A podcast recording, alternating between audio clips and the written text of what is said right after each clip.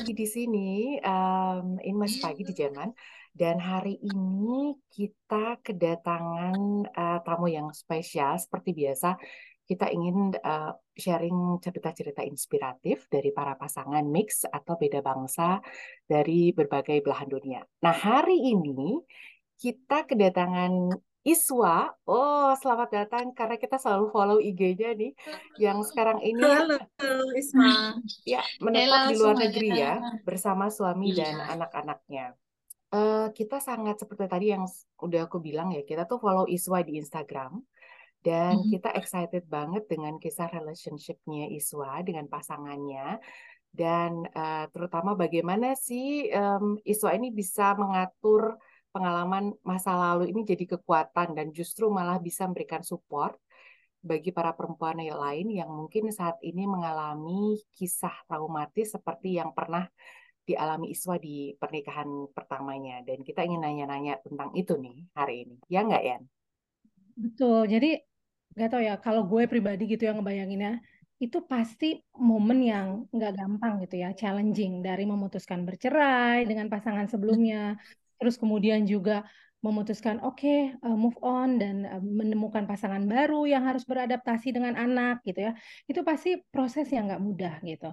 Nah, Iswa sendiri pernah nggak sih, wah kamu ada momen trauma gitu ya, dan dari trauma itu gimana caranya kamu bisa move on dan memutuskan oke okay, gue harus move on ketemu dengan pasangan baru. Yang kebetulan pasangan barunya ini adalah WNA gitu itu cerita prosesnya gimana tuh Iswa?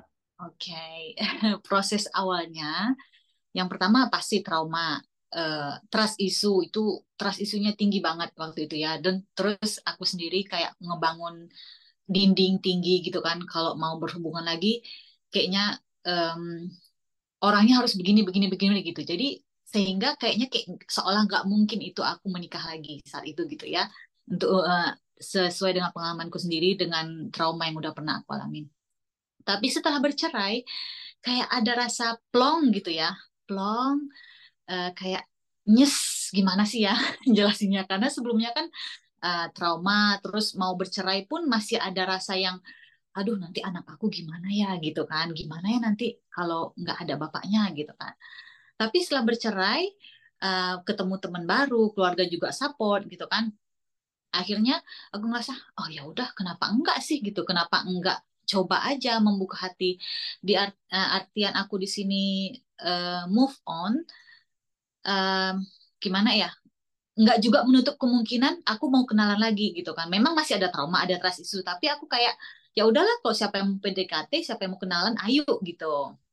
Dan emang nggak mudah. Dan satu sisi aku juga nggak buru-buru saat itu mau menikah nah jadi nggak buru-buru mau menikah uh, jadi sebelum kenal sama suami ini ya kenalan sama beberapa uh, cowok gitu kan orang Indonesia. Uh, ya aku welcome diajak yuk kita dinner di mana? gitu ayo kita ngobrol. Tapi lebih kayak kayak orangnya aku lebih kayak detail ih sampai cara ngomongnya aja aku perhatiin gitu loh saking pengen tahu ini orangnya baik nggak ya? Gitu detail banget. Cara dia ngomong cara dia ya? iya cara dia berdiri cara dia ngelirik aja cara dia makan ambil sendok aja aku perhatiin. Ih gimana ya orangnya gitu. Jadi kalau ada aja satu hal yang menurut aku table mannernya nggak bagus gitu kan. Langsung ilfeel gitu loh. Jadi sampai ke situnya ingin tahu karakter seseorang itu baik enggaknya gitu, sopan enggaknya, kelasnya di mana gitu-gitu kan.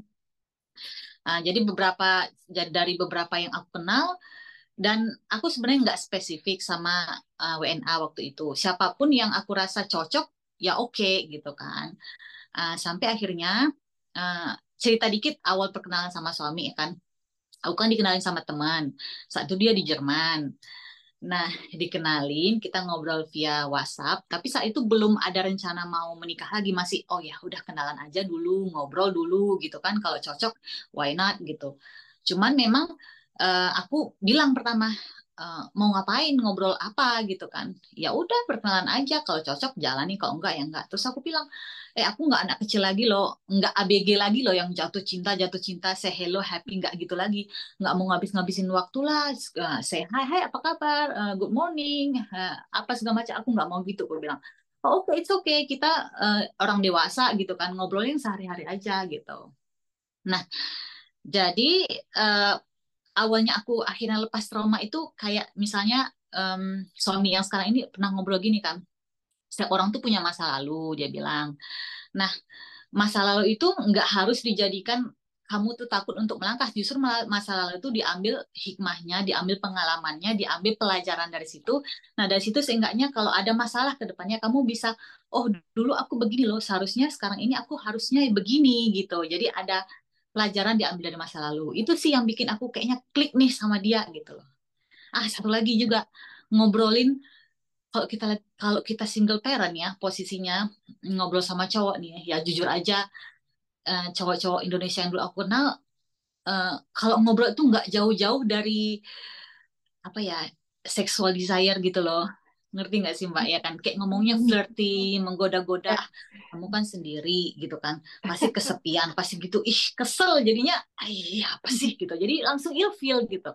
Nah sama suami ini uh, makanya akhirnya aku percaya dia tuh nggak ngomong gitu. Justru malah lebih ngomong ke hal-hal yang uh, what is your plan next one year, five year, ten years. Jadi lebih kayak tertata rapi. Jadi aku trustnya di situlah mulai trust. Oh ini ada kok orang yang nggak sekedar ngomongin masalah hal-hal menggoda-goda gitu ada kok. Nah di situlah baru mulai bangkit kepercayaan lagi gitu. Oke. Okay. Nah itu ini deh awal. Kalau misalnya tadi udah ngomongin tentang trust ya, dan hmm. kita pernah baca juga di Instagramnya Iswa dan banyak juga yang komentar kan pernah mengalami hal buruk dengan mantan suami yang orang Indonesia uh, pernah mengalami KDRT misalnya. Nah, balik lagi ke trust. Tadi Iswa bilang I trust him gitu ya si suami yang uh, sekarang ini. Tapi uh, gimana caranya? Gimana kamu yakin bahwa si suami yang sekarang ini nggak akan melakukan hal buruk seperti KDR, KDRT misalnya, seperti suami yang suami yang nomor satu dulu gitu, mantan suami ah kayak background check kali ya. Background checknya cuman kan kita LDR tuh jauh kan. Uh, caranya itu aku cari di med media sosial Facebook Instagram dan sebenarnya dia juga nggak aktif. Tapi aku jujur ke dia waktu itu aku bilang aku tuh uh, kenapa berpisah? Kita tuh ada masalah terutama aku tuh korban kekerasan uh, KDRT kekerasan dalam rumah tangga aku bilang gitu kan. Dan aku maunya itu nggak terulang lagi dan aku nggak tahu sih kamu tuh seperti apa sebenarnya. Kan aku jujur nih sama dia ngobrol kemarin.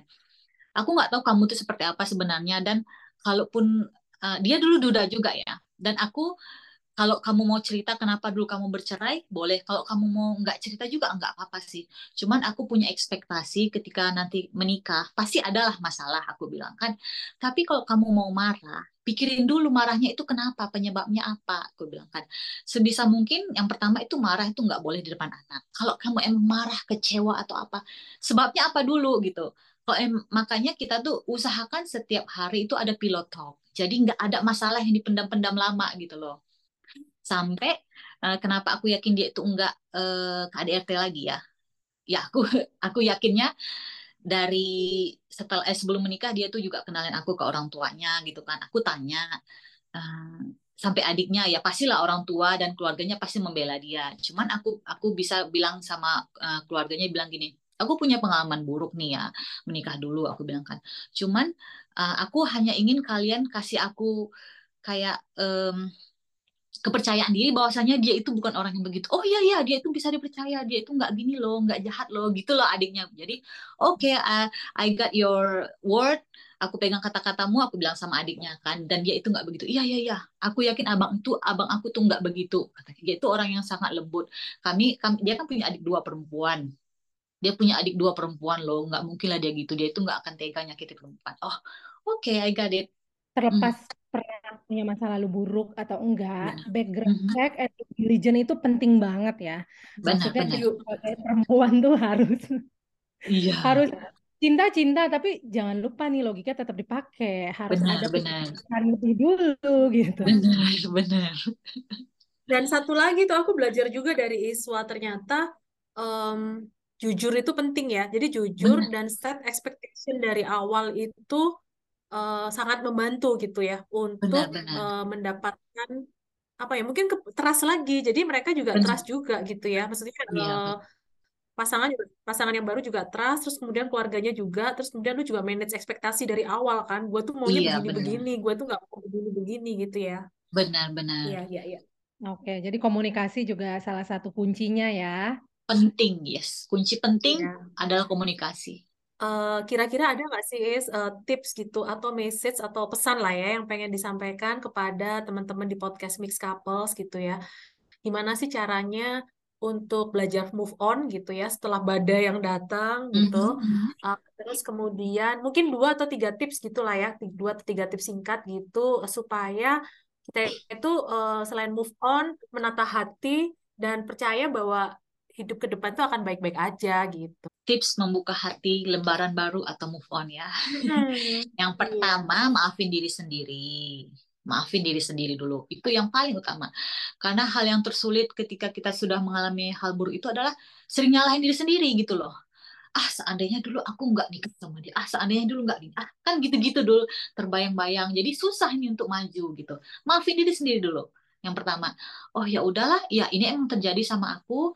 Aku buat kesalahan, semua orang pernah membuat kesalahan dan memang pilihan aku saat itu itulah resikonya. Ya udah, aku maafin diriku sendiri. Itu yang pertama. Yang kedua, eh, nggak semua orang itu jahat gitu loh. Ya kan? Eh, seseorang itu kan eh, takut ber punya pasangan lagi ketika ah nanti dia kayak gitu lagi. Ah nanti kayak gitu. Ah sama aja lah gitu. Nggak gitu. Nggak semua orang itu jahat. Itu dulu yang penting. Orang itu berbeda-beda sifatnya ya kan? Yang kedua yang ketiga eh tahu kriteria yang diinginkan. Tahu kriteria seperti apa sih? Pasangan seperti apa yang diinginkan gitu loh. Jadi udah set ini. Kalau nggak cocok ya udah dikat aja langsung. Nggak usah ah dia kan tapi kan meskipun dia nggak begini tapi kan dia begini. Jangan jangan nggak usah gitu. Udah kalau nggak cocok cut aja langsung gitu loh. Eh, ya itu aja sih yang oh ya eh, sediakan tempat untuk orang baru ya kalau kita mau ada eh, jodoh lagi mau ada pasangan lagi sediakan tempatnya tempat kosongnya. Uh, jadi aku kasih tahu itu maksudnya begini. Kita itu kan hidup itu ibaratnya ada lima lah lima hal dalam hidup kita. Yang pertama itu kita sebutlah orang tua. Yang kedua karir pekerjaan yang ketiga itu keuangan ekonomi atau kehidupan sehari-hari lah yang berhubungan dengan financial expenses biaya segala macam. Terus pasangan terus anak gitu kan. Jadi kan pasangan kita ini kan yang ya, eh, kosong nih kosong atau bermasalah lah. Bilanglah kita bermasalah dulu. Jadi caranya supaya ada orang baru mau masuk, yang di nomor empat pasangan ini kita ada trauma ini harus dihilangkan dulu traumanya, harus percaya dulu sama kalau ada orang baru ya udah gain trust dulu gitu. Jadi kalau ini udah sembuh, udah healing, makanya kalau ada orang baru masuk itu udah gampang kita nerimanya gitu loh. Bahagia kita itu kan tanggung jawab diri kita sendiri gitu kan. Jadi jangan ngarepin orang lain datang untuk bikin kita bahagia. Jangan, kita bahagia dulu. Jadi ketika ada orang datang ya kita tambah bahagia gitu loh jadinya. Gitu. Satu Iya. lagi. Ah iya, iya boleh boleh. pakai baju pakai baju yang colorful warna kayak warna gelap hitam navy eh, dark brown itu ngaruh ke mood loh mbak ngaruh ngaruh banget Hmm.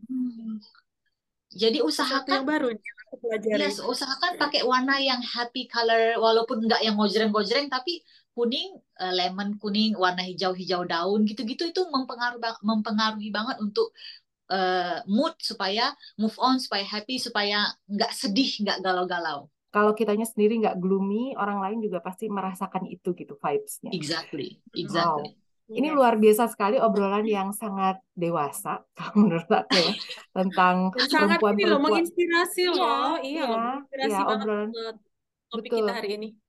Ya, dan eh, yang pasti ini pasti Iswa punya banyak sekali eh, cerita dan kita akan dengan setia Mhm. memfollow cerita-ceritanya itu di Instagram gitu. Ya, ya, Dan ya, mungkin nanti please, kita bisa ngobrol lagi. Tapi yang pasti Pasti, em, pasti. demikian bahasan episode kita kali ini. Bagi sahabat mix couple yang ingin ngobrol-ngobrol juga sama kita di sini boleh banget.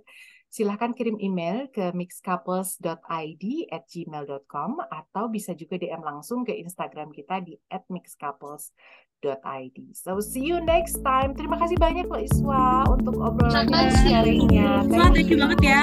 Semuanya. Terima kasih.